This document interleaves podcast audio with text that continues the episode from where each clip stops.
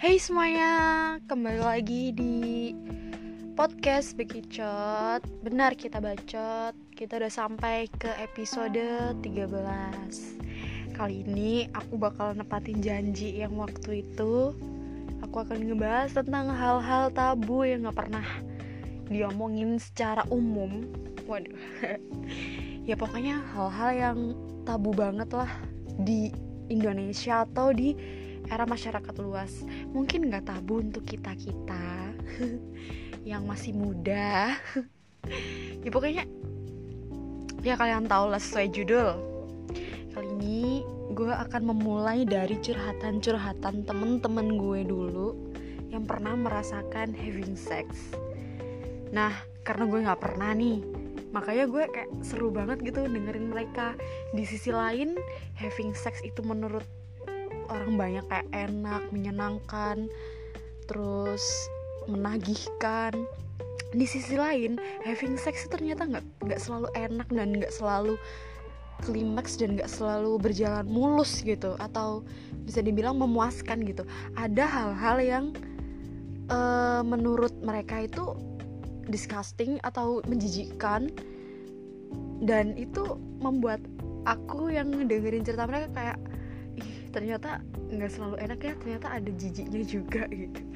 Penasaran banget kan? Langsung aja kita mulai ceritanya. Aku ini ngumpulin ceritanya nggak banyak ya karena buat episode-episode selanjutnya. Hmm, pasti kalian nggak sabar kan? Makanya pantangin terus podcastku. Oke nggak usah lama-lama langsung aja di cerita pertama nih. Udah gue mau ngakak mau ngakak duluan sumpah. Jadi cerita temen gue adalah waktu dia sama mantannya mau missionary dia mau cium di perut bawahnya cowoknya. Dan waktu siap-siap mau nyium eh doinya kencing. Tahu gak sih maksudnya kayak dia tuh mau sorry blow job gitu kan. Tapi tahunya dia malah kencing. Aduh bayangin gitu kayak aduh gimana ya? Waktu kalian uh, mau having sex atau lagi having sex itu pasti semuanya tuh bakal merasakan kayak nggak sadar gitu loh. Makanya banyak banget orang yang setelah having sex mereka baru nyesel. Karena waktu melakukan tuh nggak ada yang sadar gitu. Maka dari itu jauhilah hal-hal yang menuju ke having sex gitu. Jadi biar nggak kejerumus gitu. Dan apalagi kalau kejadian seperti ini kan kayak oh my god. Kalau misalkan itu terjadi sama gue gila gue bakalan ilfeel banget sama cowok dan bakal melupakan semua hal yang menurut gue tuh jijik banget dari semua ini gitu. Kayak malu banget gak sih? Oke next cerita kedua. Lagi enak-enaknya hampir banget klimaks. Eh sama temennya dibuka dong pintunya. Wah ini banyak banget nih kejadian yang familiar banget di kalangan masyarakat eh kalangan anak muda kan banyak banget tuh e, melakukan ena-ena itu di mana-mana gitu. E, di rumah temen di kosan sendiri atau di rumah lo sendiri bahkan atau di mana pun kan bisa kan. Ya kan siapa tahu kan anak zaman sekarang kan nggak bisa gitu. Uh, hasratnya ditahan tuh nggak bisa. Apalagi masih muda kan masih menggebu-gebu banget tuh. Iser banget sih. Dia kan menggebu-gebu banget. Jadi di mana aja tuh menurut mereka it's okay sekali sekalipun aman gitu kan. Giliran udah aman eh malah ada yang ganggu gitu kan. Pasti kayak pas udah hampir klimaks malah terganggu gitu. Gila itu pasti gak enak banget sih. Dan tapi kocak aja sih kalau misalkan gue yang mergokin kayak oh, sorry. Aku nggak akan ganggu lagi sorry sorry. Tapi kayak lucu aja gitu kan mergokin oke okay, next. Pernah ke gap di bioskop pas lagi BJ disenterin dong disuruh berhenti atau keluar. Malu pengen banget ya rasanya masuk ke rahim lagi. Ini nih ini sebenarnya pengen aku bahas sudah dari dulu sih. Kenapa uh, suatu sejoli atau suatu pasangan tuh suka banget gitu main di bioskop. Padahal menurut aku tuh bioskop tuh serem banget tau buat begituan. Kayak itu kan tempat umum gitu. Oke deh gelap. Tapi kan kanan kiri lo terus depan lo atau belakang lo samping lo kalau misalkan lihat lu kan gimana gitu. Sekalipun lu, lu apa namanya milih tempat di pojok pasti kan kelihatan gitu gimana kanan kiri lo gitu. Gue masih kayak bingung aja gitu. Banyak banget cerita yang masuk ke gue itu ceritanya hampir rata-rata tuh di bioskop gitu. Mau kissing, blowjob, grepe-grepe atau apalah itu di bioskop. Kok bisa ya? Gue kayak mikir nggak takut apa? Yang pertama tuh nggak takut apa? Yang kedua kanan kiri lo gimana gitu? Yang ketiga filmnya masuk nggak? Maksudnya kayak nggak cocok aja gitu sama filmnya. Kalau misalkan filmnya kartun terus lo begitu kan kayak aneh aja gitu kayak apa sih kayak nggak nyambung aja gitu. Tapi kenapa kebanyakan di situ gitu? Gue tuh harapnya kayak begitu sih.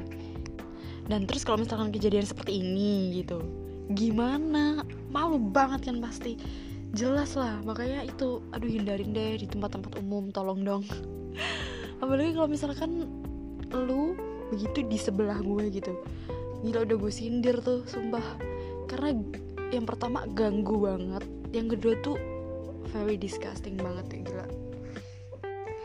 Apalagi kalau uh, mengeluarkan suara-suara yang hmm, aku tidak mau dengar. Itu aduh ganggu banget sumpah menurut aku sih ya. Kalau misalkan di tempat umum atau di bioskop gitu ya kelihatan banget kalau cowok lu tuh nggak mampu gitu buat sewa villa atau sewa sewa apa gitu. Kayak ih miskin kok mau mesum gila. Jauhin itu. Oke next ya. Handjopin doi di motor. Hilang kendali sampai masuk sawah. Lagian ngapain coba handjopin doi di motor mungkin udah nggak tahan kali ya lagi di perjalanan mungkin. Ih nggak banget deh. Masa di motor sih? Di mobil sih masih masuk akal ya. Di motor cuk gila. Kayak sorry miskin tapi pengen begitu kan. Ya nggak di motor juga kali mbak. Mas temanku aduh. Kayak gak ada modal banget sih.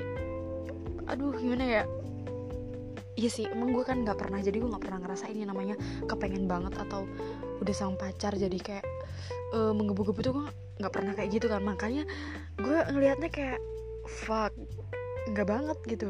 Mungkin menurut, menurut mereka itu udah yang paling terbaik Untuk menyabarkan diri untuk segera begituan. Gak tau lagi ya. Dan yang paling sedih kenapa masuk sawah kocak banget katanya sih dia lagi di perjalanan gitu di desa kalau nggak salah itu ngelewatin hutan-hutan sepi jadi sekalian gitu. What? Apa kata hantu-hantu di sana? Apa kata penunggu di sana? Ngelihat lu kayak ngapain tuh orang? Aduh kalau jadi setannya udah gue jambak lu dari belakang sumpah. Aduh itu bener-bener outdoor banget sih. Outdoor yang bener-bener menantang adrenalin juga sih karena di luar okay, next. Hmm. Ini lumayan kocak sih. Sorry sebelumnya kalau misalkan gue ngomongnya pakai bahasa yang lu nggak ngerti kalau misalkan gue ngomong BJ atau missionary kayak tadi atau yang lain-lain kalau misalnya kalian nggak tahu mending kalian searching deh. Nggak mungkin kan kalian tanya ke gue apa biar nama wawasan juga karena ini belum tentu jorok atau apa ya. Ini tuh buat pengetahuan aja sih karena ini emang sangat-sangat tabu banget. Dan jangan berani-berani dengerin kalau misalkan kalian belum 18 plus. Uh, 17 plus sih nggak apa-apa. Buat pengetahuan aja lah buat asik-asikan aja jangan terlalu datar deh hidup lo ih gak banget deh kalau misalkan bilang ini ah kak ini bahasnya jorok ini apalah ya ampun gak bisa asik banget sih loh gue colok juga mata lo ya. Oke okay, next. Keselak bulu pubis karena lupa wax sampai dia dibawa ke THT aduh gue kayak no comment aja gitu gila. Kok bisa gitu keselak bulu pubis kan? Emang dia ngapain? Dan kenapa bulu pubis bisa rontok buat kalian yang mungkin udah ngerti kayak aneh gak sih? Tiba-tiba keselak gitu.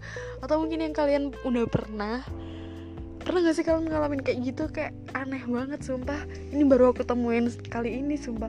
Waktu temen gue cerita kayak hah? Gue kayak rada nggak paham. Terus waktu gue perdalam ceritanya oh gitu.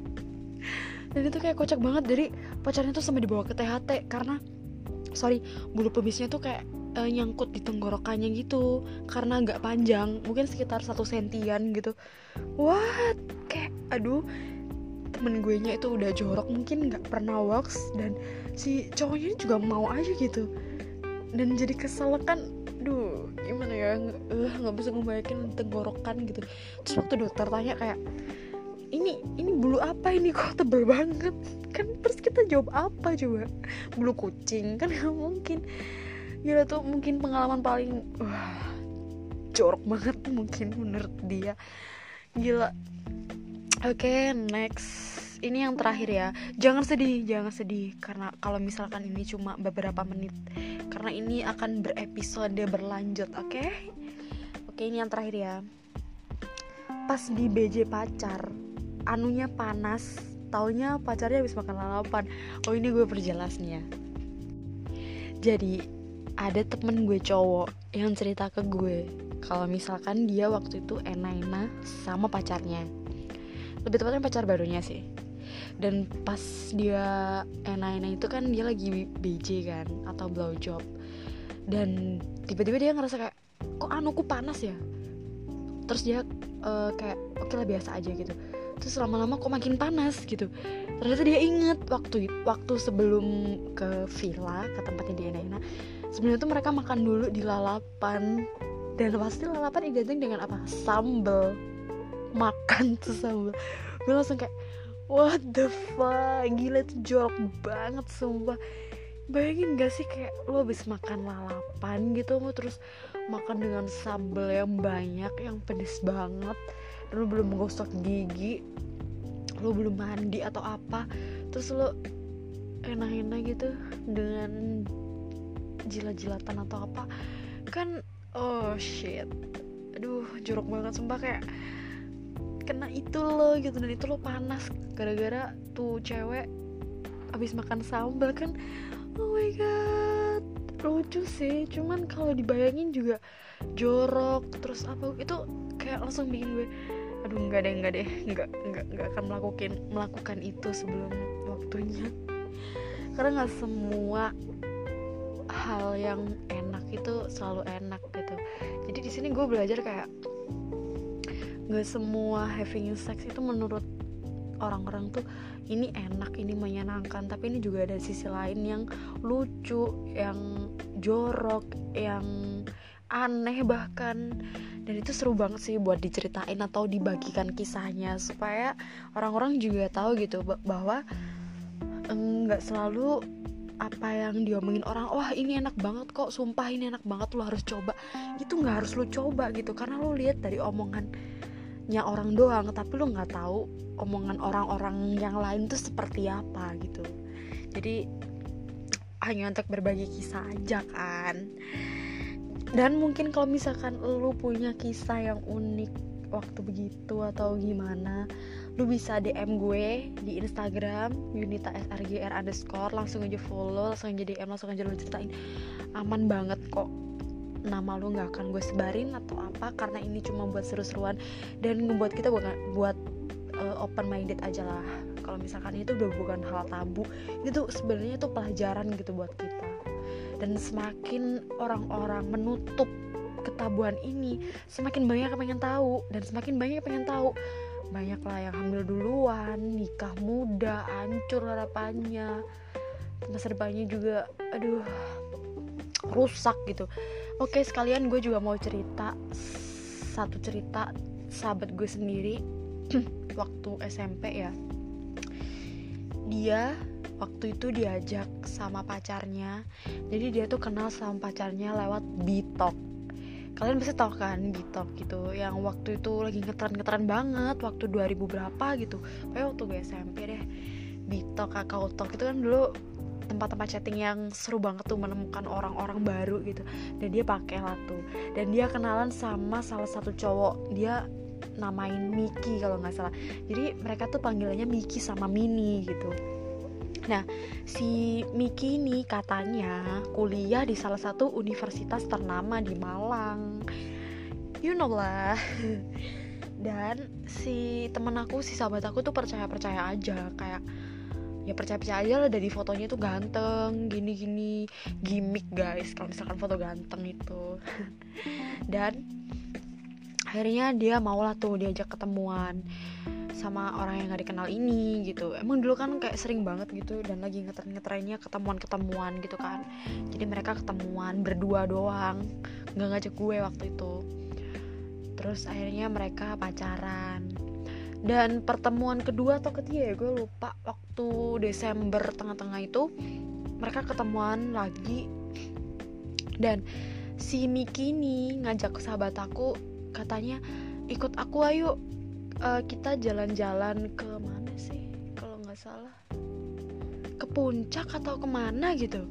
Terus si teman aku juga oke okay, gitu. Terus dia cerita dong ke aku aku mau diajak ke puncak sama Miki serem banget soalnya aku juga mau dibeliin boneka Miki sama Mini gitu. Terus gue juga kayak oke okay, gitu. Terus akhirnya mereka berdua pergi lah tuh. Pergi setelah itu udah nggak ada kabar selama beberapa minggu sampai akhirnya tahun baru kan. Tahun baru sekitar jam setengah satuan kalau nggak salah. Gue itu, itu tahun baru di rumah doang karena kan di depan rame banget ya. Apalagi uh, rumah gue itu di tengah kota di deket jalan paling terkenal di Malang.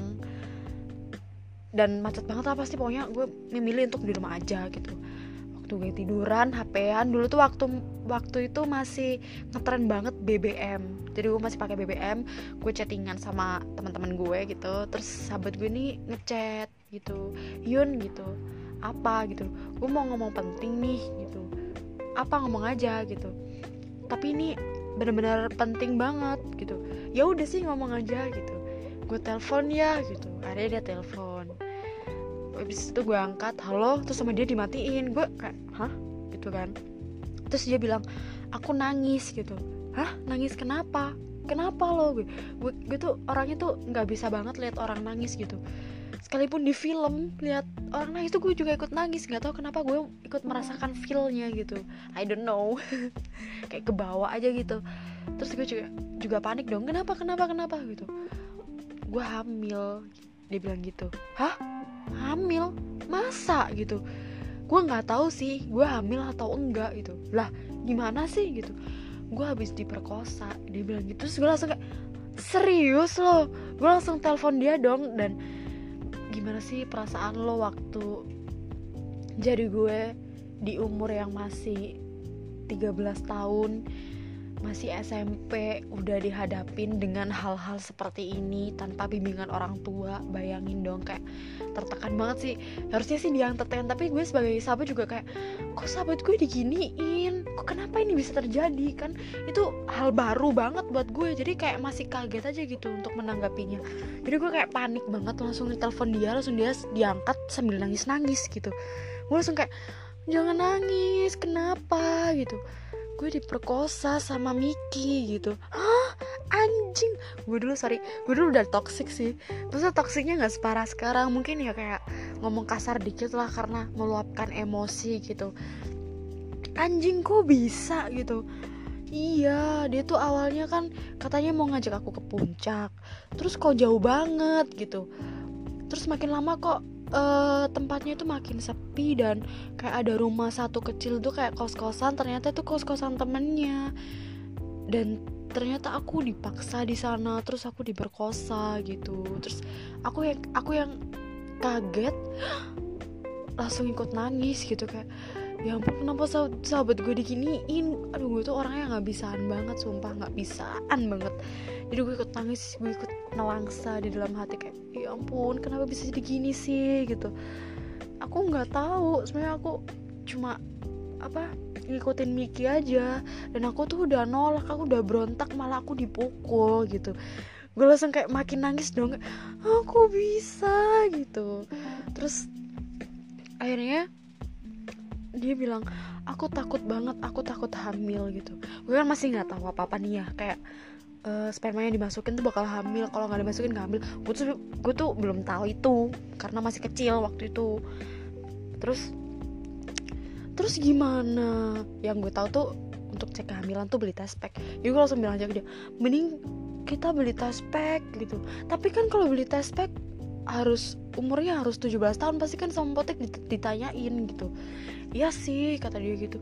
Gimana? Tolong bantuin gue gitu. Terus gue bilang ke dia mending lo lapor ke orang tua lo deh kan takutnya kan ini bisa dipenjarain gitu loh hal ini. Terus dia bilang nggak mau takut gue bisa dipukulin juga sama orang tua gue orang tua gue gue juga bisa diusir gitu. Gue juga mikir gitu sih kayak oh iya sih pasti bakal marah banget gitu. Jadi ya udah gitu. Gue ngargain lah pilihan dia terserah. Gue sebagai teman cuma bisa bantu doang dan nyaranin doang kan. Oke terus akhirnya gue uh, make up kayak tante-tante gitu dengan make up annoying banget kayak aneh cringe abis. Gue ke apotik dan gue beli test pack buat dia. Karena dia udah drop banget dia ke apotik pun udah nggak mau. Akhirnya gue kasih dia test pack dan kita tuh nggak tahu tahu cara makainya gimana. Karena waktu itu tulisan di test packnya tuh pakai bahasa Inggris cok. Dan kita belum kenal Google Translate karena dulu masih HP kentang. Jadi ya kayak gimana? Ya lu pipis aja. Terus terus uh, apa? Terus gue kayak masukin aja langsung masukin langsung di apa pipismu gitu kan. Ya terus akhirnya bentar aja gue sambil pakai skincare. Udah malam soalnya. Terus akhirnya dia pakai tuh dan kita nggak tahu ya uh, di tulisannya sih kayak kalau merah itu positif kalau misalkan biru itu negatif gitu.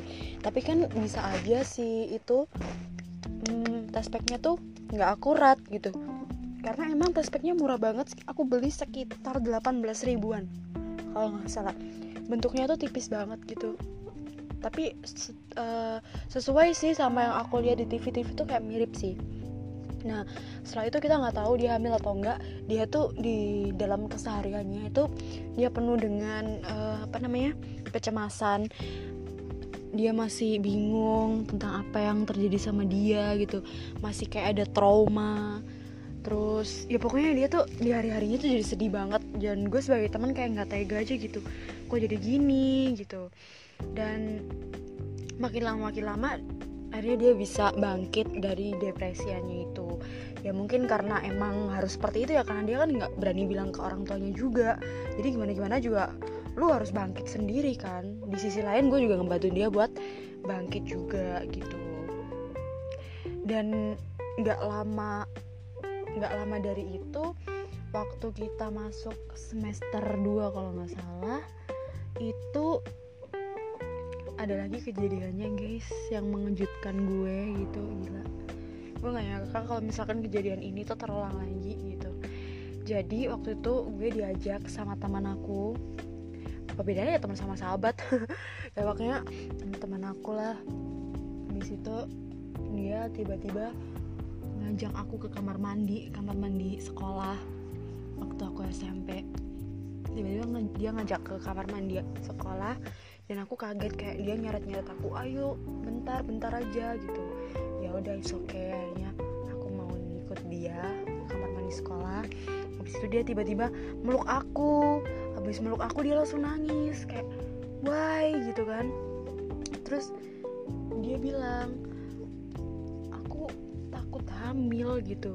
Terus gue langsung kok kayak connect gitu kayak hah? Maksud kayak maksudnya gimana? gitu. Terus aku habis diperkosa gitu. Dia sambil meluk aku sambil nangis sesenggukan gitu bilangnya. Terus aku kayak kaget hah? Gue langsung refleks langsung meluk erat dia gitu. Kok bisa? gitu. Habis itu dia cerita kalau misalkan waktu itu dia sama pacarnya.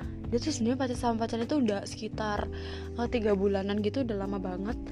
Itu diajak uh, kayak suatu tempat rumah kosong gitu terus dia dikasih kayak minuman gitu katanya ya minuman-minuman biasa gitu lah ya kita nggak tahu ya kalau misalkan dalamnya tuh dicampurin apa atau apa gitu. Dan abis itu katanya dia dikasih minuman gitu. Terus sama dia refleks dia minum dong. Kan dia percaya banget kan sama pacarnya. Akhirnya diminum deh tuh. Terus dia udah nggak inget apa apa tuh. Bener-bener nggak inget apa apa dan setelah dia bangun tiba-tiba dia ngerasa kayak pinggangnya sakit banget dan semua kayak masih uh, apa sih namanya ngeblur gitu loh matanya. Dia nggak kayak matanya tuh ngeblur banget lihat uh, tempat ini tuh kayak apa ini? Aku di mana? Kayak gitulah pokoknya kayak di film-film gitu. Terus habis itu dia kayak ngerasain sakit gitu di pinggangnya waktu dia noleh ke sorry selangkangannya ternyata udah banyak darah.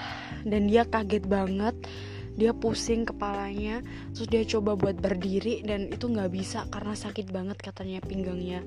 Waduh gila banget. Wah itu gila. Aduh itu kayak nusuk hati aku banget tau gak sih? Gue lebih baik diputusin sama pacar gue tersayang daripada gue dengerin kisah ini dari temen aku temen aku sendiri sahabat aku sendiri kayak sakit banget sumpah kayak oh my god nggak bisa kayak gak, ini nggak bisa terjadi gue nggak bisa diem aja kayak cowok tuh bener-bener anjing gue sempet mikir kayak anjing cowok bener-bener bangsat brengsek gue kayak langsung gimana ya sama yang namanya cowok gue langsung judes dan sampai sekarang uh, rasa judesku cuek atau apa atau garang atau galak yang dibilang sama orang-orang tuh ya karena itu gue tumbuh. Karena hal-hal yang harusnya gue nggak denger saat gue umur segitu gitu. Ya maklumin aja gitu. Ya gue langsung kayak nggak suka aja gitu sama cowok seketika. Karena melihat cerita-cerita dari temen gue yang seperti itu. Dan dia berusaha untuk bangkit berusaha untuk jalan dan sakit banget. Terus akhirnya dia telepon temennya dijemput. Akhirnya dijemput dia pulang. Dan dia pulang selama dua hari tuh pacarnya nggak ngabarin di telepon telepon tuh nggak diangkat.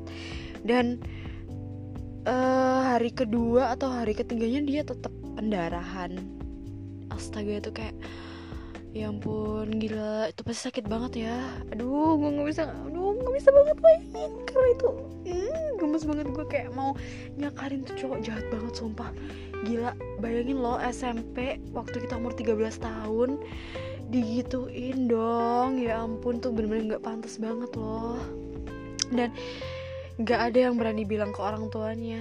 Basically orang tuanya tuh kayak yang ngekang terus suka marah-marah suka mukul gitu. Backgroundnya mereka tuh kayak gitu jadi kayak nggak deket lah sama orang tuanya. Jadi kalau mau cerita itu di sisi lain takut depresi tapi mau gimana gitu. Dan gue tuh termasuk temen yang paling terpercaya gitu. Gue tuh kalau diceritain orang di atau dicurhatin orang tuh gue pasti keluar solusi. Nggak mungkin gue diceritain tuh kayak oh oh iya mm, gitu. Nggak mungkin pasti kalau orang cerita ke gue pasti gue kasih solusi nggak pernah enggak gitu. Makanya banyak banget yang curhat-curhat ke aku gitu. Minta-minta motivasi. Aduh sama banget ya gue tapi memang gitu sih. Ya udah terima aja anjing.